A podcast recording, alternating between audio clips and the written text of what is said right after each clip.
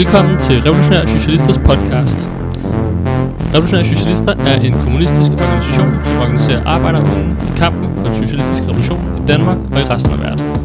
I dag skal vi snakke om en af de mest aktuelle og dominerende emner i hele den offentlige debat. Det er om krigen i Gaza og Israels invasion af Gazastriben. Og øh, med mig i dag har jeg Andreas. Velkommen til. Mange tak, Rasmus. Du øh, skal hjælpe os med ligesom at, at få styr på den her øh, krig, som foregår nede i Mellemøsten lige nu. En meget, meget voldsom krig, mm-hmm. som jo virkelig øh, øh, risikerer at eskalere over i en meget, meget større konflikt i hele regionen, men som også har haft øh, stor påvirkning på, på lande i, i resten af verden, når man ser store solidaritetsprotester. Mm, og en krig, som jo allerede nu har fået vanvittige store øh, menneskelige omkostninger for den palæstinensiske befolkning. Mm-hmm, lige præcis. Men vil du ikke lige starte os med at forklare, hvad er situationen her i talende stund? Øh, vi kommer jo ikke til at have de nyeste tal med, men måske lige give et overblik over, hvad, hvad, hvad er op og ned lige nu. Jo, selvfølgelig. Altså for øh, afhængig af, hvornår folk derude lytter til podcasten her, så øh, for snart, snart fire, små fire uger siden, jamen der genopblusset den her konflikt i Israel-Palæstina. Og det, som vi jo ser nu udspiller os for af os, det er en stærk imperialistisk magt, som jo faktisk øh, massakrerer en øh, undertrykt befolkning, der kæmper for sin befrielse. Og, øh, og jeg kan allerede godt lige øh, kan sige, spoile, hvad, hvad, hvad der er vores konklusion som kommunister. Øh, og det er, at den eneste, der ligesom kan endegyldigt gøre en ende på det her blodbad, som vi er vidne til nede i Mellemøsten, jamen det er en socialistisk revolution i Israel og Palæstina, og sådan set også i resten af, af regionen. Øh, det er faktisk den eneste måde, hvor både de palæstinensiske folk, men også den israelske arbejderklasse, øh, kan leve i fred.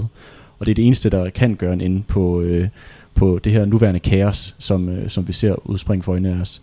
Øhm, så, så det er jo det, som, som, som du og jeg vil, vil sidde og diskutere i dag. Øh, så det er ikke fordi det her det er et nyhedsoverblik. Øh, der er masser af nyhedssites, du kan gå ind og læse på de nyeste udviklinger. Men, øh, men selvfølgelig lad os lige starte med at, at skitsere, hvad det egentlig der foregår, før vi dykker ned i, hvorfor det så også er, at, at socialisme og en revolution er den eneste vej frem. Helt klart. Jamen lad os starte med her nu. Hvad sker der? Ja. Jamen, øh, her den 7. oktober, der så vi jo det her overraskelsesangreb fra, fra Hamas. Og, øh, og siden da, der har den israelske stat jo responderet med enorm stor brutalitet øh, og virkelig udløst en terrorkampagne mod Gazas befolkning. Øh, der er over 7.000 palæstinenser, som er blevet dræbt i de her bombardementer. Og det er jo både mænd, kvinder og børn i, ja, i tusindvis. Øh, og over 16.000 palæstinenser, som er såret. Og ifølge det israelske militærs egne udmeldelser, så har de smidt over 6.000 bomber over Gaza bare i løbet af de første 6 dage. Bare til sammenligning, så smed USA det samme antal bomber over Afghanistan på et helt år. Og på et meget større område. På et meget større område. Altså, det her, det er jo et, et af de tæ- mest tættest bebyggede, befolkede områder i hele verden. Altså, der bor to millioner mennesker i Gazastriben, et, et, et område på størrelse med Langeland. Øh, og det vil sige, at Israels bombetogt mod Gaza er et af de mest intense bombetogter i moderne historie faktisk. Altså et bombetogt, der føres mod en ube, ubevæbnet civilbefolkning. Øh, men det er ikke kun palæstinenserne i Gaza, som, møder, som ligesom oplever øh, Israels hævntørst. Øh, vi ser også, at palæstinenser på Vestbreden, den besatte Vestbred, at de bliver udsat øh, for angreb fra de her jødiske bosættere. Og over de seneste par uger, siden konflikten optrappede, der er mere end 100 palæstinenser blevet dræbt øh, af de her øh, bosættere. Og øh, mindst to palæstinensiske landsbyer, de er faktisk blevet forladt på grund af angreb fra øh, bevæbnede bosættere. Men, øh, men på trods af det, øh, den, øh, den undertrykkelse og den vold, der foregår på Vestbreden, så er det jo unægteligt Gazastriben, som verdens øjne, de lige for tiden er rettet på. Og, øh, og lige så stille er den her landinvasion også begyndt, som Gaza, som der har været under øh, forberedelse noget tid, og som der har været talt om længe. Men allerede inden den her øh, landinvasion rigtig er startet, der så vi jo faktisk, at, at Israel de lukkede øh, fra Gazas adgang til, til vand, til medicin, til fødevarer, til, til, til alle øh, helt basale fornødenheder. Også kommunikationsveje, internet og mobildækning rør også. Lige præcis. Øh, helt basale ting, som jo virkelig er, øh, er, ekstremt alvorligt, når man vidste adgang til. Øhm, og vi ser også, hvordan at den israelske øh, her har gået direkte efter at ramme civile mål. Øh, der var en million af Gazas befolkning, der blev beordret til at flygte ned, ned længere syd øh, i enklaven. Øh, og vi så, hvordan at den israelske her, øh, de bombede bevidst de her konvojer af civile palæstinensere, der prøvede at flygte ud af det nordlige Gaza og længere ned sydpå. øh, og vi har set hospitaler og ambulancer øh, blive, øh, blive bombet. Og her den 17. oktober, der så vi jo 500 palæstinensere, som blev dræbt, da det her hospital, øh, Ali Arab Hospitalet, det blev bombet i hvad der højst sandsynligt øh, stammede fra øh, bomber, der stammede fra det israelske militær. Øhm, og alt det her blodbad, vi ser udspille sig i Gaza, det bliver udført med vestens støtte øh, må vi jo sige fuldstændig ærligt, at vestens støtte, Vesten øh, ledere, de øh, bakker fuldt ud op om den israelske stat. Øhm, og, øh, og vi ser jo, at, at, at Israel de siger, at, øh, at, at de har lukket for den her adgang til vand og til, ga, til gas og til elektricitet og alle de her ting, under påskud af, at, øh, at de straffer øh, kan sige, hele befolkningen i Palæstina kollektivt, indtil Hamas løslader sine gisler. Men der er ikke særlig mange nyhedsmedier, der nævner, at den israelske stat også selv har taget øh, en masse gisler over de seneste par uger. 5.000 palæstinenser er blevet tilbageholdt på bestemt tid, siden øh, konflikten er den genopblussede. Så øh, den israelske stat er tydeligvis ikke for fin til selv at tage gisler, øh, må man sige, i tusindvis. Øhm, og noget, som der heller ikke bliver nævnt, som, øh, som jo giver kontekst til, til, til den her øh, genopblusning af konflikten, det er, at Israel i 16 år har holdt Gazastriben under en blokade, øh, reelt set en belejring, hvor et befolkning i Gaza, de kan forlade området hverken til lands, til vands eller, eller via luften. Og derfor er Gaza i realiteten et kæmpestort fængsel, hvor de her 2 millioner, øh, eller mere end 2 millioner mennesker, de lever indespærret under nogle af de værst tænkelige forhold, du kan finde på den her planet. Og det er Israel, der suverænt bestemmer, hvad der både kommer ind og kommer ud af Gaza. Og de sørger virkelig for, at befolkningen i Gaza, de lever en kummerlig tilværelse med mangel på, øh, på alt, som man kan forestille sig. Øhm, og den her blokade, som de nu har strammet om Gaza, øh, betyder jo bare, at det der allerede var et, øh, kan sige, et, et liv, som, som kan sige, et helvede på jorden i Gaza for befolkningen der, er jo blevet endnu værre, og befolkningen nærmest kvæles ihjel. Ja, og, og på nuværende tidspunkt, så har vi også uh, kunnet læse, at halvdelen af al bebyggelse i Gaza, det er smadret. Mm. Så man, med et har man gjort halvdelen af befolkningen i, i Gaza. Internt fordrivende. Ja, præcis, ja. og hjemløse. Ja, lige præcis. Og, øh, og, og når vi snakker om det her med internt fordrivende og hjemløse, så er det jo også øh, værd at bemærke, at, øh, at over 70% af Gazas befolkning, de nedstammer fra flygtninge, som der jo i 1948 kom til Gazastriben for at søge, øh, søge sikkerhed. Og man kan sige, hvor, hvor, hvad var det, de flygtede fra? Hvad var det, de, søg, de søgte til, øh, øh sikkerhed fra? De flygtede fra de her begivenheder, som palæstinenserne de kalder Nakba, øh, som er arabisk og betyder katastrofen. Og det er en henvisning til de massakre, som der blev begået på palæstinenserne, da staten Israel for 75 år siden blev, blev oprettet. Øh, en begivenhed, hvor at over 700.000 palæstinenser de blev fordrevet fra deres hjemland.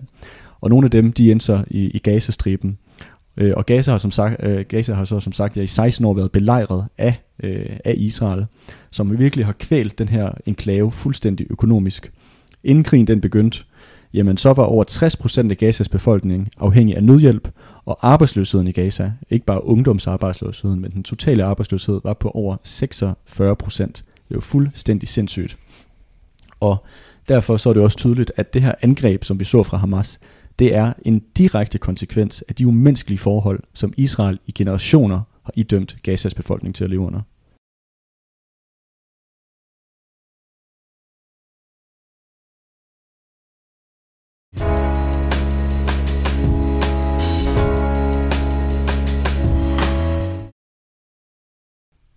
Ja, det er godt nok en, en vild situation. Både med krigen, som foregår lige nu, men i virkeligheden også, hvordan uh, ting, der har været før med den her belejring, som du forklarer, af, af hele gaseområdet. Og det var virkelig, virkelig øh, forfærdelige forhold, det tror jeg ikke, der kan være nogen tvivl om.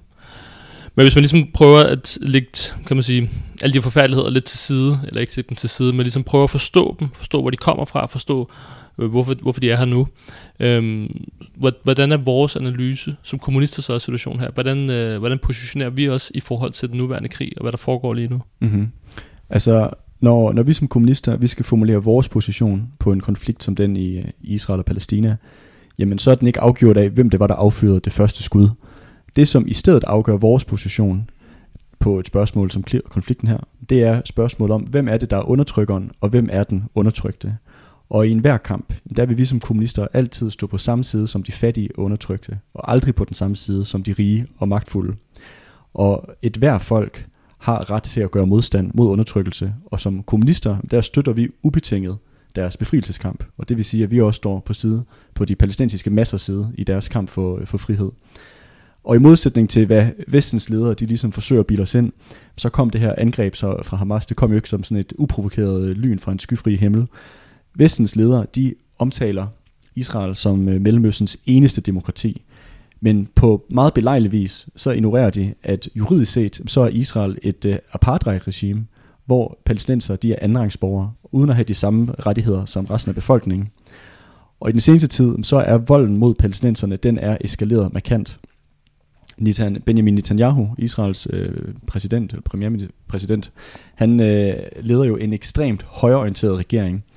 Øhm, og under den her regering er der sket en stor stigning i angreb mod palæstinenser øh, fra bosættere især. Og den israelske her lader ikke bare de her bosættere udføre deres angreb ustraffet. De opildner faktisk endda bosætterne til at fordrive palæstinenserne fra deres hjem. Og, øh, og mens hvad skal man sige, øh, de her bosættere de, øh, de skyder mod palæstinensere, jamen øh, hvis palæstinenserne prøver at gøre den eneste, den mindste form for modstand, så kommer den israelske her og slår ned på, øh, på palæstinenserne med stor brutalitet. Og det så vi faktisk her i sommeren, hvor at den israelske her kom og lagde den her flygtningelejr på Vestbredden, der hedder Jenin, altså lagde den i ruiner. Øhm, øh, og på trods af, at vestens ledere, jamen de konstant svæver til menneskerettigheder og demokrati i nærmest hver sætning, så har de i 75 år set igennem fingre med Israels kolonisering af Palæstina og de utallige krigsforbrydelser, som den israelske stat hver eneste dag begår mod palæstinenserne. Og derfor så er det også tydeligt, at der kan aldrig nogensinde blive fred i Israel og Palæstina under de nuværende forhold. Forhold, som er bevidst skabt af staten Israel, og øh, bevidst holdes i live af den herskende klasse i Israel, og med vestens øh, fulde støtte og opbakning. Og vi må derfor også sige fuldstændig klart og tydeligt som kommunister, at det fulde ansvar for det blodbad, som vi ser, der foregår, at det alene hviler på skuldrene af den israelske herskende klasse og deres allierede, nemlig vestlig imperialisme. Og ja, fra vestens ledere, der strømmer jo den her man sige, strøm af hykleriske udtalelser omkring øh, krigen i Israel og Palæstina. Og jeg synes virkelig, at deres hykleri når ekstreme højder, når man sammenligner, hvad de siger omkring krigen i Ukraine, og hvad de sammenligner med øh, man kan sige, den massakre, der foregår øh, på Gazas befolkning. De her vestlige ledere, de fordømmer Putin øh, og hans invasion af Ukraine, men de fordømmer aldrig nogensinde den israelske stats besættelse og kolonisering af palæstinensernes hjem øh, og hjemland. Øh, jeg har et citat til dig her, øh, Rasmus. Ja. Øh, for, for ja, du kender godt Ursula von der Leyen, øh, formand for Europakommissionen. Mm-hmm. Her sidste år, der øh, kommenterede hun på krigen i Ukraine, øh, og der sagde hun, Ruslands angreb på civil infrastruktur, især elektricitet, er krigsforbrydelser. At afskære mænd, kvinder og børn fra adgang til vand, el og varme, når vinteren står for døren, det er ren terror. Citat slut. Okay. Så en rimelig stærk udmeldelse, må man sige. Øh, man kan spørge, hvordan har Ursula von der Leyen så forholdt sig til øh, Israels øh, blokade og invasion af Gaza? Øh, har du hørt nogen fordømmelser af Israel som øh, begående krigsforbrydelser, eller har, hun, har du hørt, at hun har stemplet Israels handlinger som terrorisme? Jeg har hørt rigtig meget fra rigtig mange om, at Israel har ret til at forsvare sig, og dem også for eksempel udelukke palæstinenserne fra at have basale ting som mad og elektricitet. Ja, lige præcis. Så man kan sige, at de her øh, såkaldte forsvar af menneskerettigheder og demokrati og alt muligt andet, jamen de har tydeligvis nogle andre standarder, når det handler om, øh, om andre lande at øh, hver eneste gang et øh, russisk øh, raket, at det rammer noget civil infrastruktur jamen, i Ukraine, jamen, så bliver det dømt som en krigsforbrydelse. Men ifølge vestens ledere, så er det selvforsvar, når israelske raketter reducerer hele nabolag i Gaza til murbrokker. Og det er det her hyggeleri, som vi ser for, for toppen af den såkaldte, i gåseøjne, frie verden og dens ledere. Øhm, for vestens ledere, de støtter virkelig ukritisk op om Israel, og det gør de, fordi Israel forsvarer vestlig imperialisme i Mellemøsten. Og Mellemøsten er jo en, stadig en vigtig strategisk region, øh, når man ser på man sige, geopolitik øh, i verden, og olie og andre former for ressourcer. Og, øh, og inden Joe Biden han blev præsident i USA, så øh, havde han mulighed for at udtrykke sig lidt mere frit øh, og lidt mere ærligt. Og øh, en ting, som han har yndet at sige igennem hans øh, meget, meget lange politiske karriere, den er meget lang. Den er ekstremt lang, hans politiske karriere. Øh, og noget, som han, han, han har sagt mange gange, inden han blev præsident, det er, øh, og jeg citerer, hvis ikke der var et Israel, ville USA være nødt til at opfinde et Israel for at beskytte sine interesser i regionen. Ja. Det, det er meget ærligt. Det er meget ærligt, og jeg synes på, at det er meget rammende vis ligesom også illustrerer, at vestens støtte til Israel har intet som helst at gøre med hverken demokrati eller menneskerettigheder eller noget som helst andet. Det har tværtimod alt at gøre med at beskytte de vestlige kapitalisters økonomiske, strategiske, øh, økonomiske interesser i den her vigtige region. Og det er det, som øh, hele vestens forhold til Israel det baserer sig på, nemlig imperialisme og imperialistiske interesser. Og man kan sige, samtidig med, at, at der er det her bånd mellem øh, man kan sige, vestlig imperialisme og den israelske stat, så øh, har øh, kan man sige, så kan vestlig imperialisme heller ikke længere øh, støtte, stole på, at mange af deres andre traditionelle allierede i regionen, at de bare ubetinget øh, kan man sige, støtter op om Vesten. Øh, vi ser jo blandt andet, at, øh, at sådan nogle gamle allierede med, med, med Vesten, som Saudi-Arabien eller Tyrkiet, at de mere og mere begynder at samarbejde med både Kina og USA, for den, øh, ikke USA, Rusland, Kina og Rusland, som de samarbejder mere og mere med. Øh, og det betyder ligesom også, at Vesten bliver mere afhængig af Israel, øh, som det eneste sådan, sikre kort, de har i den her vigtige region. Og, øh, og bare ligesom også for at understrege, at USA har 100% den øh, Israels ryg, jamen så øh, sendte øh, USA også øh, to af deres hangarflåder ned for, øh, ud fra øh, Gazas og Israels kyst her for nylig for virkelig at også afskrække andre magter i regionen fra, at de ikke skulle blande sig i, hvad der foregår. Ja, og det er jo ikke, det er jo ikke sådan en små ting. Det er jo ikke en gummibåd med, med et par generaler, de har sendt afsted. Altså, det er jo kæmpe fartøjer med støttende skibe omkring sig. Der skulle være, jeg tror jeg læste, der var 12.000 amerikanske soldater på dem, mm. og 130 bombefly. Mm. Så de virkelig er klar ja, til at slå til. militærbaser. Præcis. Og de kan destruere næsten hvad som helst, hvis, det, hvis, de, øh, hvis de sætter sig for det. Lige præcis. Øhm, og, og Vestens ledere har virkelig øh, mange gange beskyldt Putin for at udføre øh, folkemord i Ukraine, men hvor er deres fordømmelser af Israels fordrivelse af palæstinenserne?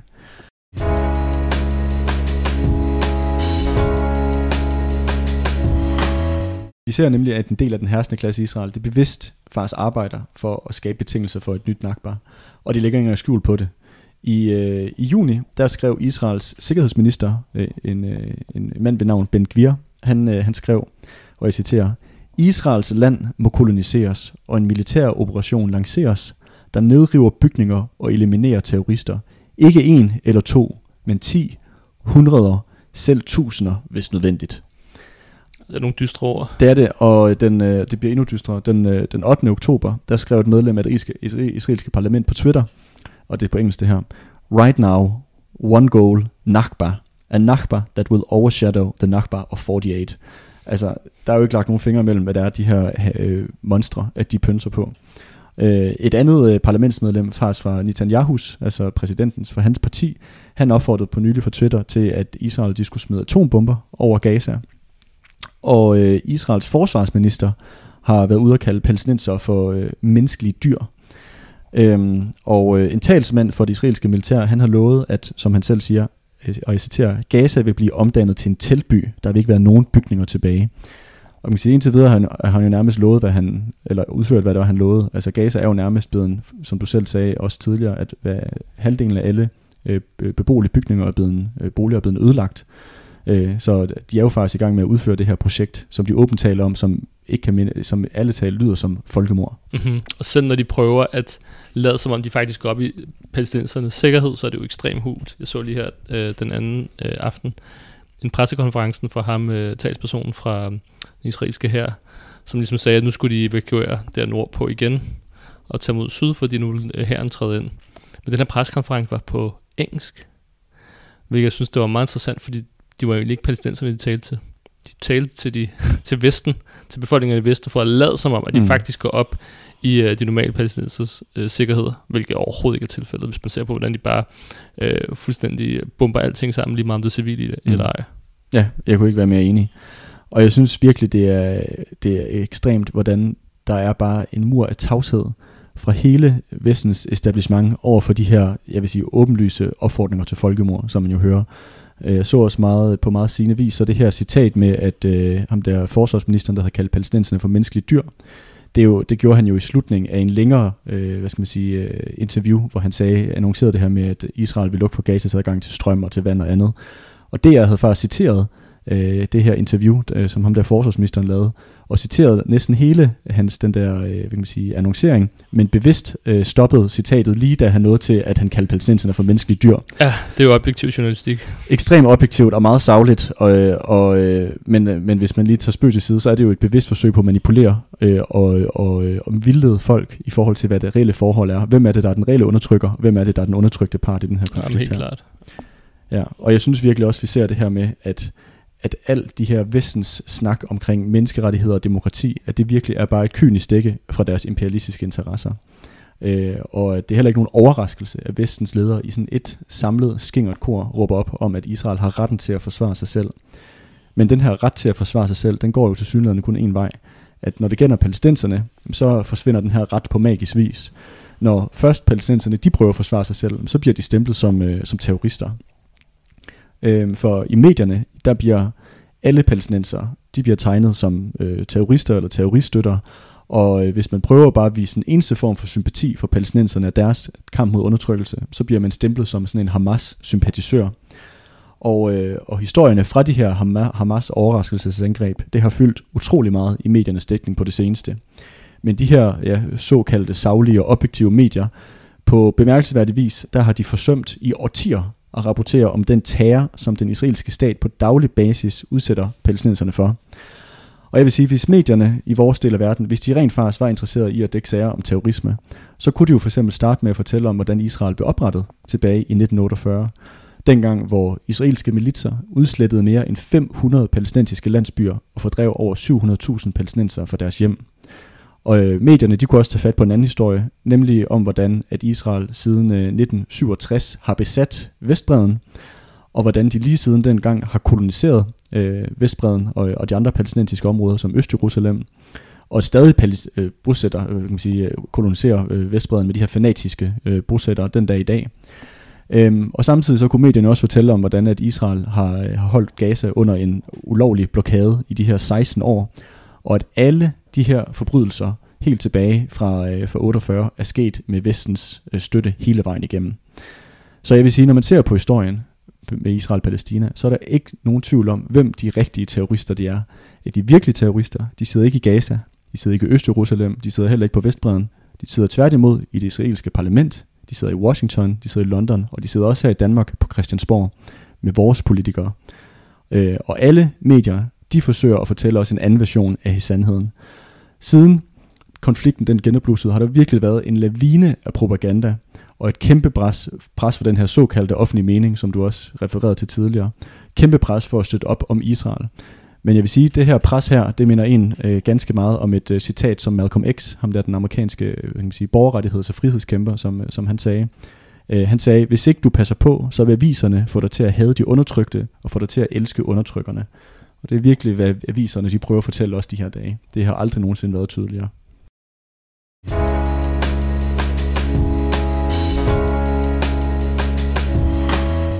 Er du kommunist, så bliv organiseret i Revolutionære Socialister. Vi har afdelinger i hele landet. Du kan blive medlem i en af vores ni afdelinger i København, i en af vores afdelinger i Aarhus, i Aalborg, i Odense, og også blandt mange af de kammerater, vi har i andre byer rundt omkring i Danmark.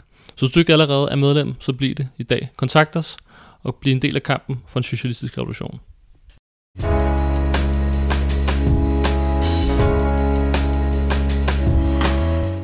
Men man kan sige, på trods af, af hvad kan man sige, vestens leders hyggeleri, så er der jo rigtig mange arbejdere og unge rundt omkring i Vesten, som viser solidaritet med det palæstinensiske folk på nuværende tidspunkt. Men det får de jo heller ikke rigtig bare lov til at ske.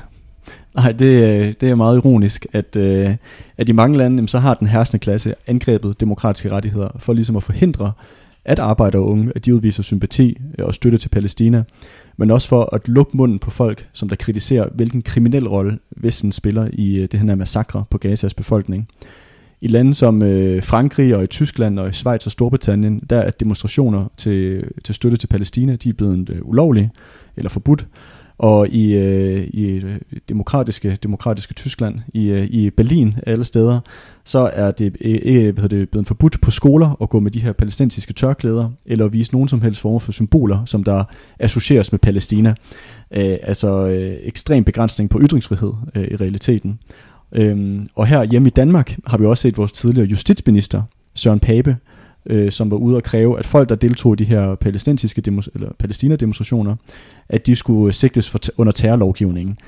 Øhm, som jo virkelig øh, siger noget om, øh, hvordan at øh, politikernes øh, hellige snak om ytrings- og forsamlingsfrihed, at det sådan set øh, kan hvile på et meget, meget lidt sted, når det kommer til stykket. Ja, det viser deres demokratiske sindelag, og, og Søren Pape vil jo i virkeligheden øh, forsøge at dømme 10.000 vis af mennesker i Danmark for terrorstøtte. Ja, lige præcis. Fuldstændig. Og jeg synes virkelig, at konflikten i Israel-Palæstina udstiller, at de her demokratiske rettigheder under, under det borgerlige demokrati, det er en joke. At der er intet som helst frit over medierne i det her borgerlige samfund. Og at både de private, men så sandelig også de statsejede medier som DR, at de virkelig bare er talehørrør for den herskende klasse øh, og deres øh, interesser. Øh, og der aldrig nogensinde har været noget frit eller demokratisk over den øh, vestlige verden, som ellers bryster sig på at være noget så demokratisk og noget så øh, humanistisk øh, de her ledere, som vi øh, ser, Mette Frederiksen, Joe Biden og alle mulige andre, at de svæver til ytringsfrihed og demokrati i ja, hver anden sætning. Men lige så snart det, der rent faktisk kommer nogle spørgsmål, der betyder noget, noget der rent faktisk sætter tingene på spidsen, jamen så er alle de her fine ord og rettigheder, de bliver øh, kastet ud af vinduet med det samme. Og jeg synes, det minder en omkring det, som Lenin han skrev omkring det borgerlige demokrati. For han skrev, at, øh, og jeg citerer, Friheden i det kapitalistiske samfund er stadig omtrent det samme, som den var i de antikke græske republikker – frihed for slaveholderne. Citat slut. Og det synes jeg virkelig, at konflikten i Israel-Palæstina bekræfter, at, øh, at det er stadig tilfældet den dag i dag. Så det er rimelig tydeligt, hvordan sådan, de store ledere af den vestlige verden ligesom øh, reagerer her på konflikten. Men hvordan, øh, hvad med venstrefløjen? Hvad med de venstreorienterede politikere? Hvad siger de til det? Ja, man kan sige, det er jo, måske, det er jo ikke noget stort chok, at øh, samtlige af toppen af at man sige, det vestlige samfund, at de er gået og støttet øh, ja, den israelske imperialisme i den her konflikt her. Men øh, jeg vil sige, at øh, reformisterne og den sådan bløde venstrefløj, deres svar har desværre ikke været meget bedre. Altså enhedslisten har på ja, skamlig vis, vil jeg sige, forsøgt at indtage en mere eller mindre neutral position. Men i praksis, så betyder det sådan set bare, at enhedslisten står øh, på samme side som resten af etablissementet til forsvar for israelsk imperialisme. Jeg ved ikke, om, om, om du så det på sociale medier, men for nylig der var Pelle Dragsted og lagde sådan et opslag op, hvordan han lagde blomster til ære for både døde israelske øh, civile og palæstinensiske civile. Og hvor han så havde sådan en tekst, hvor der stod, øh, søg freden, tror jeg det var, der stod. Men sådan et, sådan et, øh, sådan et øh, hvad skal man sige, øh, mediestunt og, sådan, øh, og det der med søg freden, det skaber jo ligesom øh, forestilling om, at begge parter på en eller anden måde er lige gode i den her konflikt øh, og er lige ansvarlig for det her blodbad, som vi ser. Og få dage efter øh, øh, Hamas' øh, overraskelsesangreb, der skrev Pelle Dragsted på Twitter, og jeg citerer, Enhedslisten fordømmer et hvert drab på skyldige civile og en hver anden krigsforbrydelse. Menneskerettigheder er ukrænkelige, krigens lov skal overholdes. Og øh, ja, ja, og det, er jo, det lyder jo meget, øh, det, kan, det kan de fleste mennesker jo godt sådan ikke, ikke genkende til, men men lad os lige prøve at starte med lige at, at dykke ned i, hvad det egentlig er, der betyder, hvad det betyder det her, øh, som, som Pelle Dragsted skriver. Man kan starte med at spørge selv, hvem er det, Pelle Dragsted han forestiller sig, skal garantere, at krigens lov og, og kan sige, menneskerettigheder, at de overholdes? Er det staten Israel, som i, ja, i årtier har fordrevet palæstinenserne fra deres hjem og krænket deres mest basale rettigheder? Eller er det FN, som jo i årtier har vendt det blinde øje til den israelske stats øh, kolonisering af palæstinensernes hjemland? Jeg vil sige, at det er nok bare at stille spørgsmålet for at udstille, at det er toppen af naivitet at tro, at international lov og institutioner som FN kan tilbyde nogen som helst form for løsning i den her konflikt. Og det vi ser, det er jo, at reformisterne som sædvanligt bare begrænser deres politik til sådan nogle øh, fordømmelser af vold i generelle termer, øh, og at de opfordrer til sådan en fredelig løsning, gennem forhandlinger og indgreb for de internationale institutioner. Men sandheden er jo, at der har været endeløse forhandlinger og samtaler i 75 år, og det ikke har bragt palæstinenserne et eneste skridt tættere på frihed. I årtier har FN jo vedtaget resolutioner, som fordømmer den israelske besættelse, men der er ikke noget som helst, der har ændret sig. Faktisk så er situationen kun blevet forværret i al den tid. Og sagen er jo, at palæstinenserne har ventet tålmodigt. Jeg vil sige, at de har, ud, de har udvist en ekstrem grad af tålmodighed i 75 år, for at der skulle blive forhandlet en eller anden form for løsning på plads. Og imens de har siddet og ventet tålmodigt, så er det eneste, der er sket, det er, at de er blevet fordrevet yderligere og har mistet endnu flere rettigheder. Så Pelle Dragsted og resten af de her reformisters appel til internationale lov og institutioner, det er i bedste fald fuldkommen nyttesløst. Og i værste tilfælde, så er det et skalkeskjul, for at de følger i hælene på Mette Frederiksen og resten af etablissementet i hælene på, øh, på borgerskabet. Og det er jo, jeg synes, du strapper den, øh, hvad hedder det, sømmet på hovedet her. Fordi jo jo, man kan altid sige sådan nogle floskler. vi skal forsvare civile, vi skal forsvare menneskerettigheder. Og man er jo psykopat, hvis man synes, ja. at, at, at, at, at drab er fedt på noget som helst plan. Men det siger jo ikke noget om den konkrete situation. Nej. Det siger jo ikke omkring styrkeforholdet, der er i den her konflikt. Det siger ikke noget om, hvem der er, er, er den kan man sige, undertrykkende magt, og hvem der er dem, der bliver undertrykt. Øhm, så, så der, alt kontekst bliver ligesom fjernet, samtidig med, at altså, som Pelle Dragsted skaber enorme illusioner mm. til sådan international diplomati og FN, altså institutioner, som aldrig nogensinde har virket for de undertrykte. Mm, jeg kunne ikke være mere ærlig. Og, og det, som jeg også synes er, er tydeligt for helt normale arbejdere og unge i tusindvis. Altså vi så her den anden dag, at 25.000 demonstrerede i København øh, i solidaritet med Palæstina, og vi har set demonstrationer på 100.000 vis af folk i, i andre lande. Altså det er jo tydeligt for, for hvad kan man sige, alle, der har øjne, alle, der vil se, at, øh, at der ikke eksisterer noget neutralt ståsted i den her konflikt. At på den ene side, så har vi regionens mest avancerede militærmagt, altså Israel, som kan, samtidig endda kan regne med fuld økonomisk og militær støtte for USA, verdens største imperialistiske magt. Og så har vi på den anden side et fattigt, undertrykt folk, som i generationer er blevet nægtet noget så elementært som et hjemland, eller bare basale demokratiske rettigheder. At der er ingen som helst form for symmetri i det her forhold. Og imellem år 2008 og september i år, der var der øh, 6.400 palæstinensere, som blev dræbt som direkte konsekvens af konflikten, øh, eller Israels besættelse, hvis man kan sige det mere konkret. Og i samme periode, der var der 308 israeler, der blev dræbt. Det vil altså sige, at for hver israeler, der bliver dræbt, så er der blevet dræbt 21 palæstinensere. Det er ikke et lige forhold mellem to lige herrer, der står og kæmper. Der er ingen som helst symmetri mellem de her to sider i konflikten. Så hvis man prøver at tage sådan en neutral tilgang, som enhedslisten har forsøgt, så bety- altså, hvor man prøver at behandle begge sider, som om at de er ens, så betyder det de facto, at man tager den stærkeste parti. Og i Israel-Palæstina-konflikten, der betyder det, at man stiller sig bag den israelske stat, og det er fuldstændig utilgiveligt for nogen som helst marxister at gøre. Som marxister, så er det jo ikke vores opgave at grine, græde eller fordømme. Det er i stedet at forstå. Og det var også den samme tilgang, som Marx han udvist i, i 1857, da de indiske sepoyer, de rejste mod den britiske imperialisme og dræbte 6.000 britter i, i Indien. Og Marx han fordømte ikke de indiske masser, for at de ligesom havde rejst sig op og slået tilbage mod deres undertrykker. I stedet så brugte han den her anledning til at udstille det britiske borgerskabs hykleri, og for at pointere, hvordan britisk imperialisme var ansvarlig for den her massakre, som der havde foregået. Og øh, jeg har et citat fra en artikel, han skrev på det andet tidspunkt, mm-hmm. som jeg mhm. tænker, man lige må, må citere fra. Ja, gerne. Han skriver, øh, hvor forfærdelig seapoyernes opførsel end er, så er den kun en koncentreret refleks af Englands egen opførsel i Indien. Ikke kun i den periode, hvor det østlige imperium blev grundlagt, men også i de sidste 10 år af en langvarig styre. For at karakterisere dette styre, er det tilstrækkeligt at sige, at tortur udgjorde en organisk institution i dets finansielle politik. Der er noget i menneskets historie som gengældelse, og det er en regel for historisk gengældelse, at dens instrument ikke smides af den mishandlede, men af mishandleren selv. Og jeg synes, de her ord, som Marx han skrev om, ja, om indernes oprør, øh, de opstand her i, øh, for, ja, for over 150 år siden, jeg synes, at de er også øh, ekstremt relevante i forhold til det, vi ser i Palæstina den dag i dag. Mm-hmm. Og, øh, og Marx han forklarede også i samme omgang, øh, i den her artikel, som jeg citerede, der forklarede han også, at de britiske medier, at de øh, både overdrev og decideret løg omkring de her øh, ja, handlinger, som de øh, over, hvad kan man sige, ja, den her massakre, der har været på de her britter øh, i Indien, men at de britiske medier ligesom løg omkring de her øh, grusomheder og oppiskede en stemning, sådan en hysterisk stemning af hævntørst, for ligesom at retfærdiggøre en voldsom gengældelse for britisk imperialisme. Og det samme ser vi jo de her dage med, at vestlige medier har været fulde af historier omkring Hamas' øh, overgreb. Både sande, men også opdigtede historier. Alt sammen for at skabe støtte til sådan en blodig gengældelse fra Israel mod befolkningen i Gaza, og for at ligesom at legitimere den her massakre, som der lige nu foregår på, et, på civilbefolkningen øh, i Gaza.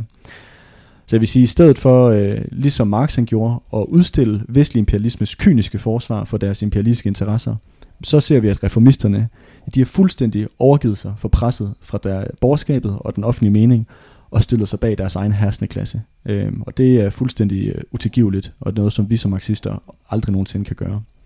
For som kommunister, der siger vi åbent og ærligt, at vi bakker op om de palæstinensiske masser i deres kamp mod den israelske stat og vestlig imperialisme. Og palæstinenserne de har i årtier med fredelige midler forsøgt at kæmpe for deres frihed. For eksempel, i, jeg ved ikke om du kan huske det Rasmus, men tilbage i år 2018, der var den her bevægelse i, i, i Gaza, som var kaldet uh, The Great March of Return. Jeg ved ikke om du kan huske det. Jo, det kan godt huske noget med. Ja, det var ikke så meget de danske medier, øh, men, øh, men øh, der var en stor, demo, stor bevægelse i 2018-2019, hvor at 10.000 vis af ubevæbnede civile palæstinenser fra Gazastriben, at de gik i fredelige demonstrationer mod den israelske grænse. Og hvordan reagerede den israelske her? Den reagerede ved at åbne ild, altså øh, skyde på de her demonstranter. Over 200 palæstinenser blev dræbt, heriblandt 46 børn, og over 10.000 palæstinensiske demonstranter blev, øh, blev såret øh, som, som resultat af den her nedskydning af civile. Og jeg synes ikke, det er noget mysterium, at på baggrund af de her oplevelser, som palæstinenserne har haft, og Israels fortsatte belejring af Gaza, så er det jo ikke noget mysterium, at vi ser sådan nogle angreb som det, som vi så fra øh, Hamas. Men vi må samtidig sige, at de metoder, som Hamas de bruger til at kæmpe mod den israelske besættelsesmagt, at de ikke har bragt palæstinenserne tættere på et hjemland. Øh, som, som kommunister, der er vi jo med hele Hamas' politiske program, og vi er også uenige med de metoder, som de bruger.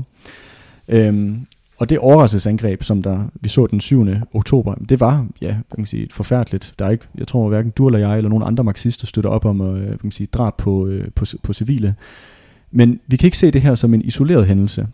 Øhm, det her angreb, det var en naturlig konsekvens af de fuldstændig inhumane og utålige forhold, som Israel med vestens støtte og hjælp har skabt for palæstinenserne i generationer.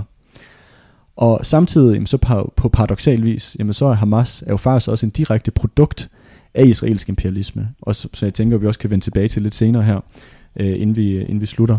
Øhm, men på trods af alle de her forhold, på trods af angrebet fra Hamas, jamen så ændrer det ikke på, at vi ubetinget støtter et undertrykt folk i deres kamp for frihed. Og de sidste årtiers blodbad, vi har set i Israel og Palæstina, det viser med størst tydelighed, at den eneste løsning på konflikten, det er gennem revolutionær massekamp. Og det er metoder, som Hamas de aldrig nogensinde har brugt. Nej, jeg synes, det er en virkelig virkelig vigtig pointe, fordi der er en, øh, en del af venstrefløjen, heldigvis en lille en, som har den der tilgang med, at min fjendes fjende er, er min ven. Så de tror ligesom, at på grund af, at Hamas er fjende med Israel, og vi heller ikke støtter om, om israelsk imperialisme, så kan vi støtte Hamas. Og det kan på ingen måde øh, være tilfældet. At øh, vi kan hverken støtte deres politik eller deres metoder, fordi de er kontraproduktive i forhold til faktisk, at palæstinenserne kan få et hjemland, der kan blive befriet. Mm. Men, øh, men ja, men, øh, men på, trods af, på, tro, på trods af eksistensen af Hamas leje, jamen så ændrer det ikke på, at vi støtter ja, palæstinenserne, et undertrykt folk, i deres ret til, øh, til frihed og leve et, et, et, et liv uden undertrykkelse fra israelsk imperialisme og vestlig imperialisme. Mm-hmm. Og, til, og, til, og til modstand. Ja, og ret til at gøre modstand mod den her øh, ydmygelse øh, og undertrykkelse, som de ja, hver eneste dag må, må lide under. Men i forhold til det her med revolutionær massekamp, så, øh, så, er det jo, så har vi jo rejst en, en parole, øh, som jeg tror måske nogle af vores lytter måske endda har set i noget af vores materiale her over de seneste par uger, nemlig øh, parolen Antifada, Intifada til sejr. Og øh, jeg tænker godt tænke mig lige snakke lidt omkring, hvad betyder det her egentlig med Intifada? Hvad er det egentlig for en arv, vi øh, skal man sige, hen, henviser til? For ordet intifada, det betyder at ryste noget af sig øh, på arabisk. Og det begrebet det bruges til at betegne en massebevægelse, eller en revolutionær massebevægelse mod undertrykkelse. Og, øh, og hvad skal man sige, den her, øh, kan man sige, den her øh, ordet intifada refererer til en historisk begivenhed, nemlig den øh, første intifada, som der startede i, øh, i 1987. Og den her opstand, som det var, den øh, blev antændt af mordet på fire palæstinenser, øh, faktisk i Gaza, som der blev dræbt. Og på det her tidspunkt, der var palæstinenserne også vant til den her undertrykkelse og den her terror, som de også er, ser i dag. Men det her mor, det endte alligevel med ligesom at, at markere et, et, et bristepunkt, øh, hvor at ligesom palæstinenserne fik nok, altså nu var nok nok. Øhm, og i løbet af en periode på hele fem år, der rejste de palæstinensiske befolkning sig op i modstand mod den britiske besættelsesmagt. Og på få uger, der så vi, at der opstod tusindvis af sådan nogle øh, selvorganiserede øh, øh, selvforsvarskomiteer, øh, på tværs af hele det historiske Palæstina. Øh, selvforsvarskomiteer, hvor i øh, helt normale øh, palæstinensiske mænd og kvinder, at de organiserede sig og påtog sig ansvaret for at bekæmpe den israelske besættelse. Og de her selvforsvarskomiteer, de antog, eller de overtog ansvaret med sådan den daglige drift også af, af samfundet. De sørgede for at distribuere mad og medicin og koordinere øh, demonstrationer, og hvor man skulle lave vejblokader hen og alle mulige ting. Øhm, og det var lige præcis man kan sige, dens massekarakter, som der gav den her øh, opstand sin, sin øh, styrke øh, og til den her bevægelse. Og opstanden den byggede nemlig på massernes aktive deltagelse i kampen i form af de her forsvarskomiteer. Øh, og vi så, at de metoder, der også blev brugt i det opstanden, det var massekamp. Altså det var generalstrækker, det var butikslukninger, det var vejblokader, det var civil ulydighed. Vi så, at, at palæstinensiske arbejdere, de nægtede at, at tage arbejde i Israel. Vi så, at unge øh, palæstinenser, de begyndte at, øh, kan sige, overtage kontrollen øh, over de palæstinensiske nabolag. Der var også en periode for eksempel, hvor at alle indbyggere i en palæstinensisk by, der hedder Beit øh, Shahur, at de nægtede at betale skat til Israel for eksempel. Altså det var, det var ikke individuelle aktioner, det var masseaktioner. Og, så, og det udtrykte sig på, en, på et væld af forskellige måder. Øhm, men det var en ekstrem inspirerende begivenhed, og som virkelig beset af Mellemøstens fattige og undertrykte, som et kærkommet opråb til forandring. Og det blev derfor også mødt med stor solidaritet og entusiasme for resten af Mellemøstens undertrykte masser. Og selv inde i Israel, der begyndte palæstinensernes opstand også at resonere med et lag af de israelske arbejdere og unge. Og det synes jeg virkelig viser det her med, at det igennem massekamp, at der eksisterer et potentiale for at skabe enhed mellem de palæstinensiske masser og de israelske arbejdere. Og at den israelske hærs brutale undertrykkelse af den her opstand, som vi så fra palæstinenserne, at det begyndte også at have en effekt på de israelske soldater, som også i højere og højere grad begyndte at vende sig mod besættelsen. Og, øh, og det skabte faktisk en krise i det israelske regime, som var rimelig seriøst, og, og, og, og som også nåede hele vejen op til toppen i den israelske hær. Og jeg synes, den her splittelse på meget sådan rammende vis blev formuleret af en israelsk general, øh, som, som sagde, og jeg citerer, Vi er ikke, eller sorry, jeg citerer korrekt nu. Yes. vi er alle enige om, at besættelsen må afsluttes, fordi en fortsættelse af den udgør en langt større fare for vores sikkerhed, end at afslutte den. Som jeg også synes meget godt siger det her med, hvordan at, hvor rystet til sin grundvold hele den, det israelske stat og dens militære undertrykkelsesapparat ligesom var blevet af den her opstand. Ja, jeg synes, det er virkelig inspirerende at høre om den her intifada, som du forklarer det her. Fordi når vi ser revolutionær massekamp, kan det godt virke som en abstraktion. Men det her det er jo netop et konkret eksempel på, hvad det faktisk betyder. Og også et konkret eksempel på, hvordan det faktisk kan skabe solidaritet på tværs af etnicitet, på tværs af religion osv. igennem massekamp. Hvorimod Hamas' metoder, det her med individuel terror, individuel kidnapning osv., det er jo i virkeligheden med til at gøre splittelsen endnu større, mm. og skubbe den israelske arbejderklasse om bag det israelske regime. Øh, så det kan man så sige, det er jo ligesom en, en noget, som kun øh, den israelske stat får noget ud af, mm. ikke det palæstinensiske folk. Lige præcis. Og det er også noget, vi vender tilbage til senere til allersidst. Så, øh, så, så gennem den pointe der, eller, eller den, den kan godt tåle at blive gentaget, når vi, når vi kommer dertil. Øh, fordi jeg, jeg, havde, jeg synes, at jeg gerne vil blive lidt mere med den intifada, inden vi går videre. Ja, selvfølgelig. Øhm, for jeg synes jo, det er jo tydeligt, at som revolutionær, som, som du også lige udtrykket, så kan vi jo ikke andet end bifalde den form for revolutionær massekamp, som vi så der med intifadaen, der startede i, øh, i 87. Men fra den sådan, officielle palæstinensiske ledelses øh, top, der så de på den her intifada med skepsis og med sådan en form for bekymring. For da den første intifada den brød ud, der befandt øh, hvad skal man sige, den palæstinensiske befrielsesbevægelse, det der forkortet som PLO, den befandt sig i Tunesien. Og øh, intifadaen, det var sådan en spontan massebevægelse, som var uden for PLO's kontrol. Og øh, Yasser Arafat, som du og måske også nogle andre af vores lyttere har en, en karakter, som mange har hørt før, navnet på, jamen øh, Arafat han stod i spidsen for PLO. Øh, det var ligesom der, hvor han, øh, man sige, den, hans politiske liv eller virke, det var i. Og, øh, og han havde et rent sådan, nationalistisk udsyn på den palæstinensiske befrielseskamp. Han havde ikke noget perspektiv om, at der skulle være en socialistisk revolution, hverken i Palæstina eller i resten af Mellemøsten. Så PLO var ivrig om at få, ligesom, eller ivrig efter at få kontrollen over den her massebevægelse, der foregik i Palæstina, for at lede den over i nogle kanaler, som, øh, hvad kan man kalde det, stemte, stemte overens med deres politiske projekt, det som de øh, ønskede at se i Palæstina. Og den herskende klasse i Israel, de forstod, at PLO de ønskede at lægge en bremse på revolutionen, der foregik i Palæstina. Så, de, så den herste klasse i Israel inviterede PLO tilbage til Palæstina, for ligesom at spille den rolle som en bremse på revolutionen. Og, øh, og resultatet, det så vi så i 93 i form af den her Oslo-aftale, som jeg tænker mange måske har hørt navnet på før. Og Oslo-aftalen og den her såkaldte to-statsløsning, som, øh, som det jo sådan set var, det handlede om, øh, det var ikke blomsten på de palæstinensiske massers revolutionære kamp, der havde varet i fem år på det tidspunkt. I stedet så markerer Oslo-aftalen øh, og tostatsløsningen, øh, det markerer et forræderi af de palæstinensiske masser. For den israelske besættelse, den fortsat øh, efter øh, Oslo-aftalen, men nu havde den bare en mellemmand, øh, nemlig øh, det PLO, som der stod imellem den israelske undertrykkelsesapparat øh, og så de palæstinensiske masser. Og jeg synes, øh, jeg, vil sige, jeg synes på, vi har det meget godt for Hessens egen mund, nemlig fra nogle af dem, der var med til at lede de her forhandlinger fra den israelske side. For en øh, Israels tidligere udenrigsminister, der hedder øh, Shlomo Ben-Ami, han øh, kommenterede på Oslo-aftalen og dens indhold, øh, og han kommenterede med ordene, og jeg citerer, En af Oslos betydninger var at gøre PLO til Israels samarbejdspartner i opgaven med at kvæle intifadaen og afslutte den demokratiske kamp for palæstinensisk selvstændighed. Og jeg synes, vi har det meget klart formuleret her fra en af dem, der var ligesom hovedarkitekterne bag den her plan, hvad indholdet i Oslo-aftalen rent faktisk er. Det er ikke noget, eller to-statsløsning, det er et forsøg på at befri palæstinenserne. Det er, forbrug, det er et forsøg på at, at lede dem ned en blinkgyde og binde dem øh, og pacificere dem. Ja, så, øh, så Oslo-aftalen, det øh, betød, at Israel trak sig delvist ud af nogle af de besatte områder øh, i Palæstina der, og, og territorierne, men, og så overgav de ligesom kontrollen til den her palæstinensiske semistat, som der blev oprettet, som bedøbte palæstinensiske selvstyre. Og til gengæld, jamen, øh, for oprettelsen af det her palæstinensiske selvstyre, så skulle PLO, de skulle anerkende staten Israel, og de skulle afvise de palæstinensiske flygtninge, som der var blevet fordrevet under Nakba i 48.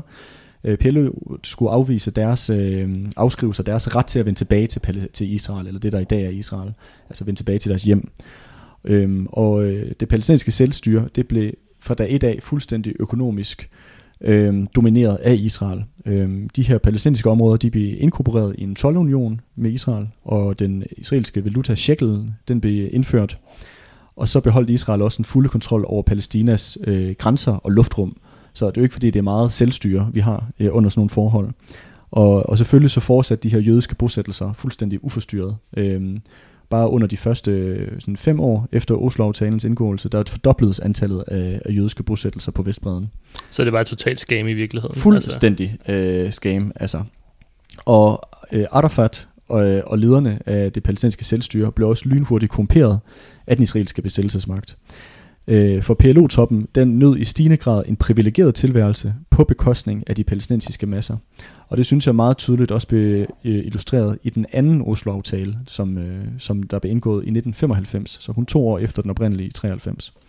Og i den her anden Oslo-aftale, så er der dedikeret hele fire sider til at optegne rettighederne for det, de kalder øh, palæstinensiske VIPs, altså folk i toppen af det palæstinensiske selvstyre. Til sammenligning, så er der kun en enkelt side i den her aftale, for den anden Oslo-aftale. Den aller, aller sidste side i aftalen, som der handler om øh, løsladelse af de palæstinensiske fanger, som Israel på det tidspunkt tilbageholdte i tusindvis. Og jeg synes meget godt, det ligesom øh, illustrerer, at PLO på det tidspunkt allerede var blevet mere optaget af at sikre deres egne privilegier, end de var i at lede den palæstinensiske befrielseskamp. Og den nuværende eskalering, som vi ser i Israel-Palæstina, det er et resultat af Oslo-aftalens totale fiasko, og et resultat af den blindgyde, som nationalisterne i PLO de lidt befrielseskampen ned i.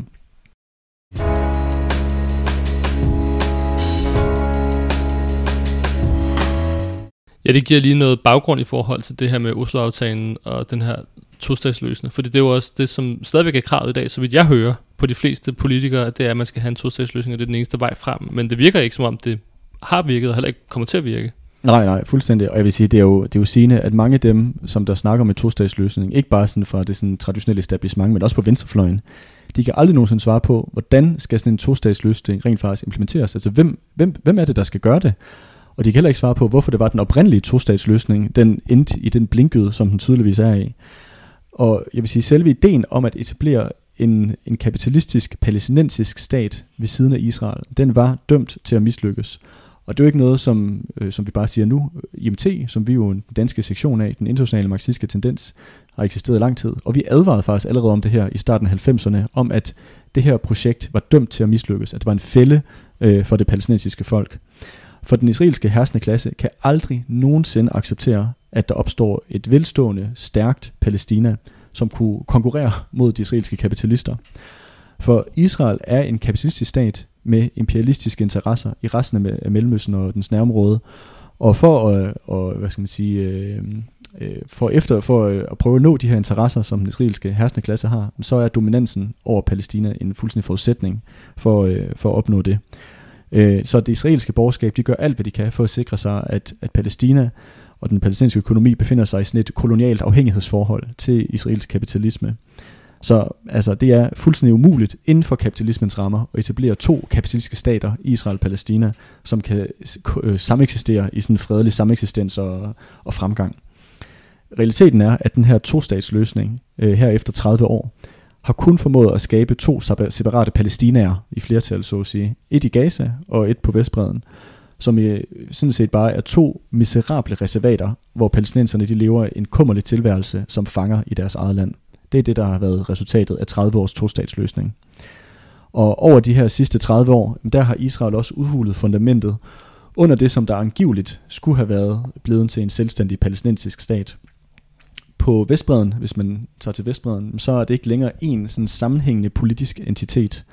I stedet for så har vi en række isolerede palæstinensiske øer, som der lige så stille kvæles i et hav af jødiske bosættelser og israelske militærposter. Realiteten er, at der ikke kommer til at, øh, øh der ikke kommer til at, der er ikke nogen palæstinensisk levedygtig stat, og der kommer ikke til at være nogen, så længe at israelsk kapitalisme det består. Og vores solidaritet med Palæstina må ligesom også starte ud fra den øh, sige, grundlæggende forudsætning og den kendskærning. Og det er også en kendskærning, som flertallet af palæstinenserne de allerede er fuldt ud klar over. I en øh, meningsmåling her i september måned, der sagde 71 procent af de adspurgte palæstinensere, at de ikke længe, længere mener, at en to-statsløsning den er mulig. Så det er jo øh, desto mere mærkeligt, at du har vestlige politikere eller venstrefløjspersoner, der råber op om to-statsløsning, og palæstinenserne ikke engang kan se, eller stadig med tydelighed kan se, at det ikke længere kan lade sig gøre. Øh, og 64 procent af de adspurgte palæstinensere, de mente, at de i dag havde det værre, end de havde inden Oslo-aftalen blev indgået. Og 71 procent af palæstinenserne, de mente, at det var en fejl at underskrive Oslo-aftalen.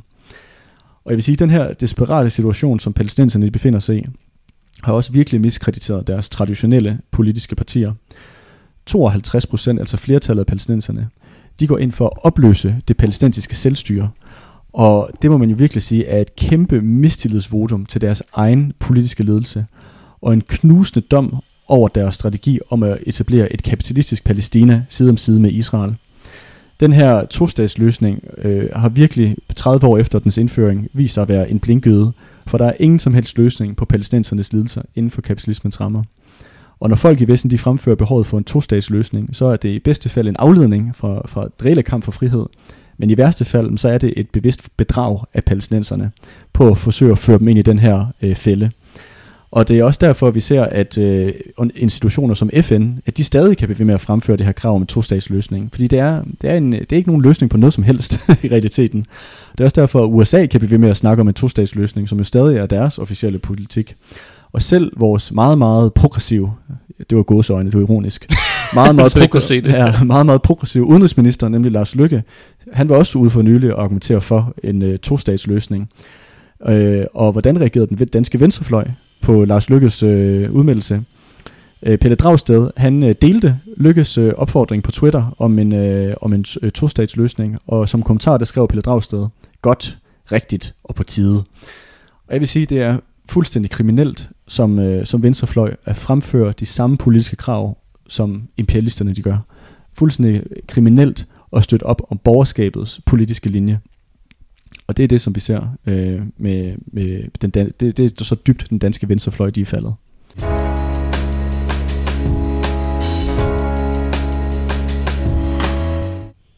Nu har vi snakket en del om, jeg siger Arafat og, og PLO og så videre, øh, men de er jo ikke så meget de store spillere lige i øjeblikket. Altså her, nu hører man meget om, ga- om Hamas og deres terrorangreb, som fandt sted her den 7. oktober. Øh, hvordan, er, hvordan er de kommet til den position, som de har nu? Ja, det er, det er en lang historie, så du får den korte version. Okay. Så det, er altid, men vi kan, det kunne være interessant at diskutere mm. de her erfaringer i dybden på et, et anden, en anden gang. Mm. Men, øh, men, men hvad kan man sige, for at gøre en lang historie kort, så det dominerende parti på Vestbreden øh, i dag, det er Fatah. Det er Arafats gamle parti. Og øh, Fatah er i dag ekstremt miskrediteret efter årtiers korruption og, øh, og årtier og, og, og, man sige, at være Israels forlængede arm på i de palæstinensiske territorier, hvor de undertrykker de palæstinensiske masser. Øh, og det eneste, der reelt set holder liv i den regering, som der sidder på Vestbreden i Ramallah, det er, øh, det er den økonomiske støtte, som de får fra USA og fra Israel. Og øh, Fatahs forræderi har virkelig haft en demoraliserende effekt på palæstinenserne, og, øh, som blandt andet Hamas har lukreret på. Øh, Øh, for Hamas de kom til magten i Gaza i 2006 som resultat af, at Fatah havde fuldstændig underkastet sig øh, Israel. Øhm, og, et, og et produkt af jeg kan sige, Fatahs forræderi af de palæstinensiske massers øh, befrielseskamp. Så jeg vil sige, Hamas er ikke øh, den som logiske slutning eller konklusion på palæstinensernes frihedskamp. Øh, I stedet så er det et udtryk for håbløshed og et udtryk for frustration. Og at Hamas opstod heller ikke organisk ud af den palæstinensiske befrielseskamp.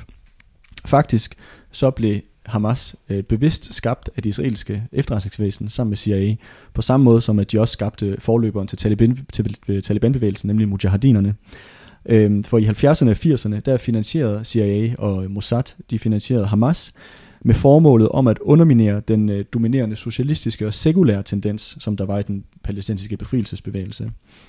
Øhm, og både, det er, ikke, det er ikke bare noget, jeg påstår, altså både amerikanske og israelske topembedsfolk og politikere har flere gange været ude og indrømme den rolle, de spillede i at, øh, at skabe Hamas. Og for eksempel så sagde den tidligere republikanske politiker øh, Ron Paul, han sagde på et tidspunkt i en tale i republikanerne, eller repræsentanternes hus, som jo svarer til det amerikanske folketing jo, han sagde, og jeg citerer, Hamas blev tilskyndet og virkelig startet af Israel, fordi de ønskede, at Hamas skulle modvirke Yasser Arafat. Og der, synes, der, det er jo fuldstændig bramfrit. Der har vi det jo sort på hvidt, hvad for, hvem det var, der rent faktisk startede Hamas. Så man kan sige, Vesten skabte Hamas, som du også lige præcis var inde på tidligere, da vi snakkede øh, det for en 10 minutter siden, hvor, hvor lang tid det nu var. De skabte ligesom Hamas for at splitte den palæstinensiske befrielseskamp, og for at kanalisere øh, befrielseskampen ind i nogle kanaler, som der skabte størst mulig splittelse mellem palæstinensiske og israelske arbejdere. For rigtig mange øh, israelske arbejdere øh, ville godt man sige, kunne være øh, sympatisk indstillet over for en palæstinensisk befrielseskamp, baseret på et, øh, et socialistisk og internationalistisk perspektiv og program. Men der er ikke nogen israeler ved deres fulde fem, som der vil kunne støtte en palæstinensisk kamp ledt af Hamas, som jo er islamister. Øh, som, øh, det er, så du har virkelig med den, den herskende klasse i Israel har bevidst forsøgt at køre den palæstinensiske befrielseskamp ind i nogle kanaler, der skaber størst mulig afstand mellem de her to folkeslag. Det er jo også paradoxalt nu, fordi jeg synes også, der er mange danske debattører, som siger, at palæstinenserne som kollektiv er ansvarlige for Hamas og Hamas' angreb. Når, når det så er Vesten, der har været med til at starte og finansiere mm. selv samme organisation, og palæstinenserne traditionelt set havde nogle helt andre, som du siger, socialistiske og venstreorienterede og sekulære mm. traditioner. Lige præcis. Og, øh, og i årtier, der var den palæstinensiske befrielseskamp, den var domineret af, af Fatah, øh, og senere hen så i seneste år så også til dels Hamas. Og hvis begge de her partier har på hver deres måde lidt bevægelsen ned i en blindgyde, som jeg synes, vi også har afdækket det her afsnit her. Øhm, men, ja, men hvis vi lige tager til noget, går til noget lidt mere positivt, så har vi allerede set tegn på, at en ny generation af palæstinenser, de leder efter en ny vej frem øh, og mod frihed. I 2021, der bombede Israel endnu en gang Gaza, og de israelske bombardementer, de øh, sådan antændte en militant massebevægelse palæstinenser i både Israel, men også på Vestbreden, de indledte sådan en fælles generalstrække. Og det var den første gang i årtier, at palæstinenser på tværs af grænsen, at de stod sammen i en øh, samlet kamp mod den israelske besættelse og undertrykkelse, som palæstinenserne inde i Israel også led under. Det er ikke kun dem på øh, de besatte områder, det gør dem, der bor under Israel godt nok også. Øhm, og det er også værd at bemærke, at den her kamp, den blev indledt af palæstinenserne, der bor i Israel, og at kampen den var ledt af forsvarskomiteer, som der opstod uden for den man kan sige, traditionelle palæstinensiske ledelseskontrol. Øh, og det synes jeg virkelig også udstiller den dybe mistillid, som der er blandt den her nye generation af palæstinensere til både partier som Fatah, men også øh, især Hamas. Og det viser, at den nye generation af palæstinensere, at de ligesom ved at gøre deres entré øh, i klassekampen, og at de metoder, som de her nye øh, palæstinenser, de søger imod, jamen det er metoderne for intifadaen i 87. Altså det er massekamp, det er strækker, det er organisering for bunden, og det er på ingen måde urealistisk, at en ny opstand den vil kunne bryde ud. I øh, den samme meningsmåling i september, som jeg har refereret til en del gange efterhånden, der var der 61% af de adspurgte palæstinensere, som forventede, at der ville udbryde en ny intifada. Og, øh, så man kan næsten sige, at der er revolution i luften. Og, øh, og det her, og jeg vil synes også, det er meget sigende, at de her palæstinenser, altså, som i 2021 øh, lavede deres, øh, deres strække, at de kaldte deres kamp for enhedsintifada som også siger lidt om, hvad for en arv og en tradition, de ligesom øh, rækker tilbage til. Og det synes jeg virkelig er en ekstremt sund og inspirerende udvikling, for det er nemlig kun gennem revolutionær massekamp, at Palæstina kan blive fri. Men så længe de palæstinensiske massers revolutionære kamp forbliver isoleret, så vil det ikke være nok til at besejre den israelske stats overmagt. Kampen må sprede sig til, til resten af regionen. En, øh, en ny intifada, baseret på en ny generation af revolutionære unge palæstinensere vil ikke bare ryste Israel ned til sin grundvold, det vil også ryste hele regionen, præcis som vi så med intifadaen i, øh, i 87. Og en revolutionær opstand i Palæstina vil virkelig kunne antænde den enorme vrede og frustration, som der ligger, ikke bare i Mellemøsten, men også i resten af regionen og i Nordafrika. Og jo tydeligere og klarere et klasseindhold, sådan en palæstinensisk opstand, den vil have, jo større appel vil det også have for resten af regionens fattige og undertrykte masser. Så en intifada, men baseret på et socialistisk program, vil virkelig have et potentiale til at strække sig langt ud over Palæstinas grænser, og have mulighed for at række hånden ud til arbejdere og undertrykte i resten af Mellemøsten, og forene dem i en samlet kamp mod de her reaktionære regeringer, som der dominerer Ægypten, Jordan, Syrien, øh, Libanon, resten af Saudi-Arabien, you name it. Øhm, og som jo de her regimer, som der jo både samarbejder med den israelske stat, men også med vestlig imperialisme. Øhm, så og sådan en bevægelse på et, et man sige, socialistisk program ville virkelig kunne genopleve den arabiske revolution, vi så tilbage i 2011, men ja, men på et, på et helt andet øh, grundlag, på et højere niveau. Og, øh, og det er klart, at sådan en, en revolutionær bevægelse i, i regionen, det vil jo også have en kæmpe effekt øh, på klassekampen internt i Israel. Hvis du ser de egyptiske masser tage, tage, tage magten, de, øh, den syriske arbejderklasse kom til, øh, den øh, jordanske arbejderklasse kom til magten, altså hele regionen, det vil have en kæmpe effekt, og virkelig også øh, Øh, hvad skal man sige, øh, optegne klasselinjerne internt i Israel, og bryde den her enhed, der lige nu er mellem den israelske arbejder og den herskende klasse. Øhm, og, og vi skal nemlig også huske på, at den israelske stat er ikke identisk med den jødiske befolkning. Vi ønsker ikke at fordrive jøderne fra, øh, fra Israel. Både palæstinenserne, men også den øh, jødiske arbejderklasse, eller den israelske arbejderklasse, de kalder det her område for deres hjem. Og, øh, og begge folk har ret til at eksistere i Israel og Palæstina. Men som historien også viser, så på et kapitalistisk basis, så vil der aldrig nogensinde være fred øh, for nogle af de her folkeslag øh, øh, i regionen. Og derfor så er det også nødvendigt at vinde den israelske, de israelske arbejdere over til revolutionens side. Men for at det kan ske, jamen, så må palæstinensernes opstand, den må sprede sig til resten af Mellemøsten, og den må antage karakteren af en socialistisk revolution. Så, så som jeg også sagde helt tilbage i starten af, af oplægget, så kan, øhm, eller vores podcast afsnit, hvad vil vi kalde det, det her, det, lille samtale, eller knap så lille, jeg tror vi har snakket lang tid efterhånden. efterhånden. Jamen som jeg sagde til at starte med, så konflikten i Israel-Palæstina, den kan kun løses på et socialistisk grundlag, og som en del af en bredere revolutionær transformation af hele Mellemøsten, ved at, at alle de her reaktionære regimer, at de bliver faret væk, Øh, og når først de er væk, jamen så vil vejen for første gang være banet for, at der kan etableres en socialistisk federation på tværs af hele Mellemøsten. Og når først magten er i hænderne på arbejderklassen, så vil alle de her problemer, som Mellemøsten står for, de vil kunne løses på fredelig og demokratisk vis. Og når de her imperialistiske magter, som, som Vesten, vestlig imperialisme, når de ikke længere har deres brohoveder i regionen, mm, og de kan sprede deres, deres gift, jamen så vil det for første gang i over 100 år også være muligt at skabe venskabelige relationer mellem hele regionens øh, forskellige folkeslag, som der bor der. Øhm, og vejen vil derfor også for første gang være åben for en varig løsning på det palæstinensiske spørgsmål. Og det bedste som kommunister, som du og jeg, Rasmus, der sidder her i Danmark, det bedste, som vi kan gøre for at hjælpe den her proces på vej, det er, at vi organiserer os i kampen for at vælge vores eget imperialistiske borgerskab, der støtter den israelske stat. Så hvis, hvis, hvis jer, der også lytter med derude, hvis øh, I vil støtte palæstinensernes kamp for frihed, jamen så øh, inviterer vi jer til at organisere os i kampen for en socialistisk revolution, øh, i kampen for at vælte vores eget borgerskab, som der, øh, som der støtter øh, det her blodbad, som der foregår nede i Mellemøsten. Så øh, ja, bliv organiseret i kampen for en socialistisk verdensrevolution. Øh, kom med i, i Revolutionære Socialister. Det synes jeg var en rigtig god note at slutte af på, Andreas. Tusind tak, fordi du kunne komme i dag. Det var så lidt. Det har været ekstremt spændende at høre på det hele. Og vi har jo været en del af solidaritetsbevægelsen med Palæstina lige fra starten af her i Danmark, øh, og kommer også fortsat til at være det. Øh, vi har netop udgivet en, øh, en plakat, som vi kommer til at klistre op alle, alle de steder, hvor vi kan komme til. Og hvis man selv vil være med til at øh, vise solidaritet med, med det palæstinensiske folks frihedskamp, så kan man øh, skrive til os, og så kan man få sendt en, en stak plakater, man selv kan smide op. Men øh, jeg vil sige tak til dig, Andreas, og tusind tak til alle dem, der har lyttet med derude. Tak lige vi, vi høres med.